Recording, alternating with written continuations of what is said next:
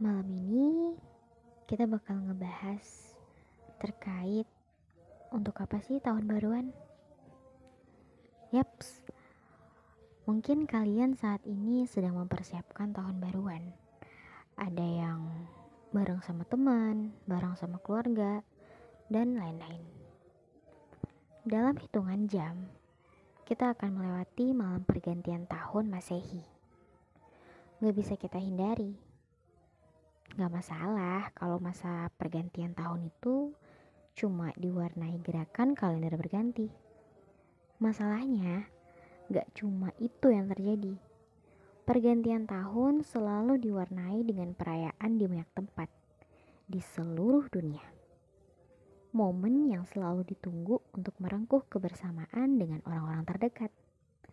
Ada yang touring ke tempat wisata untuk menghabiskan malam pergantian tahun. Ada juga yang bikin acara di hotel, kafe, atau studio TV sambil menikmati konser musik musisi idola. Tahun baru saat pandemi corona masih merajalela. Euforia perayaan tahun baru bisa diredam demi memutus mata rantai penularan wabah COVID-19. Tapi, setelah kondisinya kembali membaik, euforia itu mulai menunjukkan gejalanya kembali.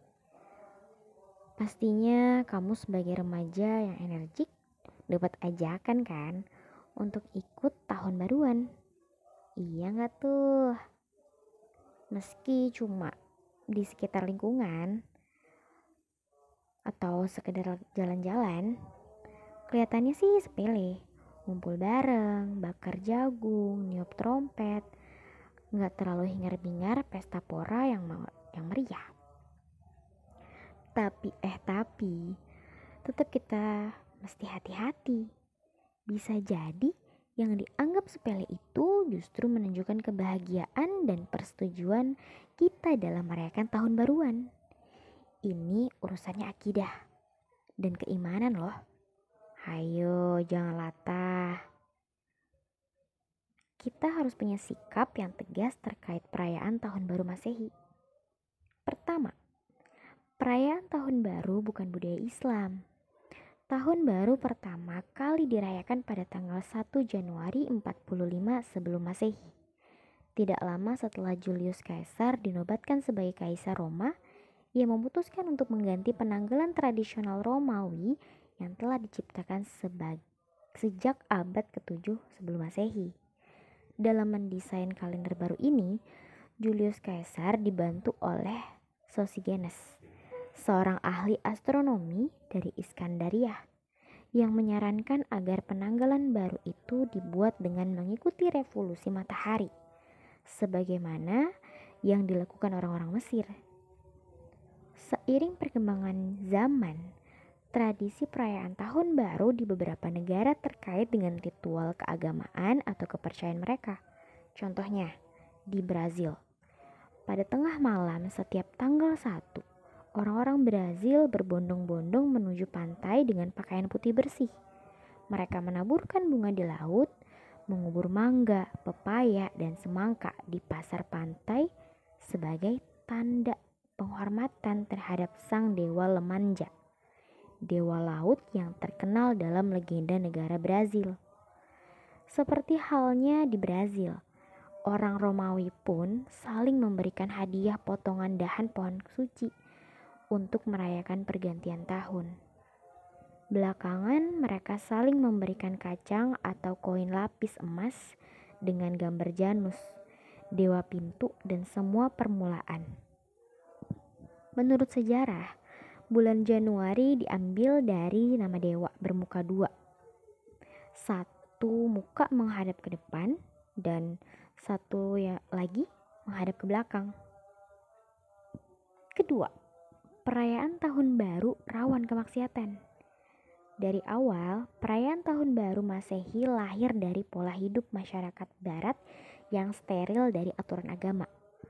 Apalagi aturan Islam Gak heran kalau dalam prakteknya kemaksiatan merajalela. Mulai dari fastabikul aurat alias berlomba-lomba memamerkan aurat dan daya tarik seksual.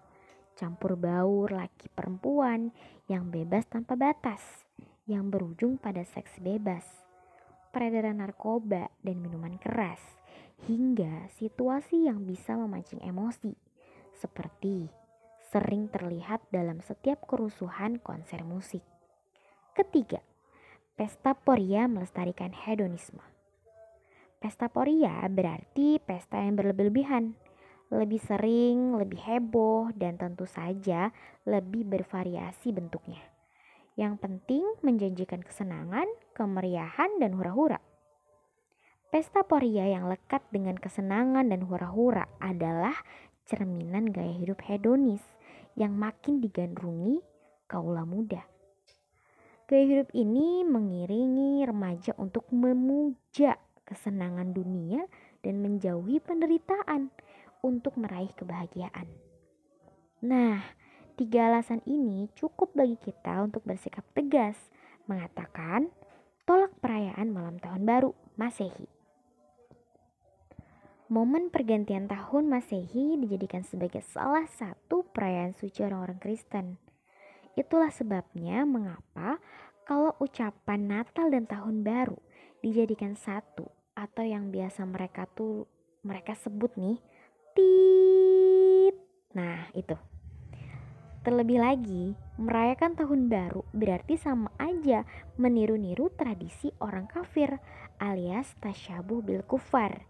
Jika umat Kristiani menggunakan lonceng untuk memanggil jamaahnya ketika beribadah, orang Yahudi menggunakan trompet. Sementara orang Yajus Majusi menggunakan api. Maka pada jam 12 malam nanti nih, semua model tersebut hadir dalam satu waktu. Lonceng berbunyi, trompet berbunyi, kembang api pun dinyalakan. Komplit deh tasyabuhnya. Hmm, padahal jelas kalau kita meniru perilaku orang kafir, status keislaman kita bisa tergadai. Rasulullah Shallallahu Alaihi Wasallam mengingatkan para sahabatnya agar mereka menyelisihi Yahudi dan Nasrani dalam segala hal. Beliau bersabda, Barang siapa yang menyerupai suatu kaum, maka dia termasuk bagian dari mereka. Hadis riwayat Ahmad dan Abu Daud. Nah loh, sebagai remaja muslim, sikap kita udah jelas dong gak ikut-ikutan perayaan malam tahun baru Masehi. Karena perayaan tahun baru itu merupakan perayaan besar bangsa pagan Romawi yang dilakukan setiap memasuki awal tahun. Gak pengen dong kita mengorbankan keislaman kita nih demi euforia hitung mundur malam pergantian tahun. So, untuk apa tahun baruan? Nah, sebagai remaja muslim, setiap di akhir tahun harusnya dipergunakan untuk muhasabah. Melihat lagi ke belakang, apakah resolusi tahun sebelumnya sudah tercapai atau belum? Sesuai target? Apakah di tahun ini kita sudah menjadi lebih baik daripada tahun kemarin? Sembari membuat resolusi baru untuk tahun yang baru memperbaiki serta memantaskan diri di hadapan Allah Subhanahu wa taala. Kita perbanyak syukur atas setiap nikmat yang Allah berikan, keimanan, kesehatan, dan kesempatan menimba ilmu setiap waktu. Mari jadikan diri kita bagian dari remaja taat syariat, aktif berdakwah, saling mengingatkan dan menguatkan. Dan jangan lupa, rutin ikut ngaji biar akidah tambah kuat dan jauh dari maksiat. Oke, malam ini segitu dulu ya. Bye.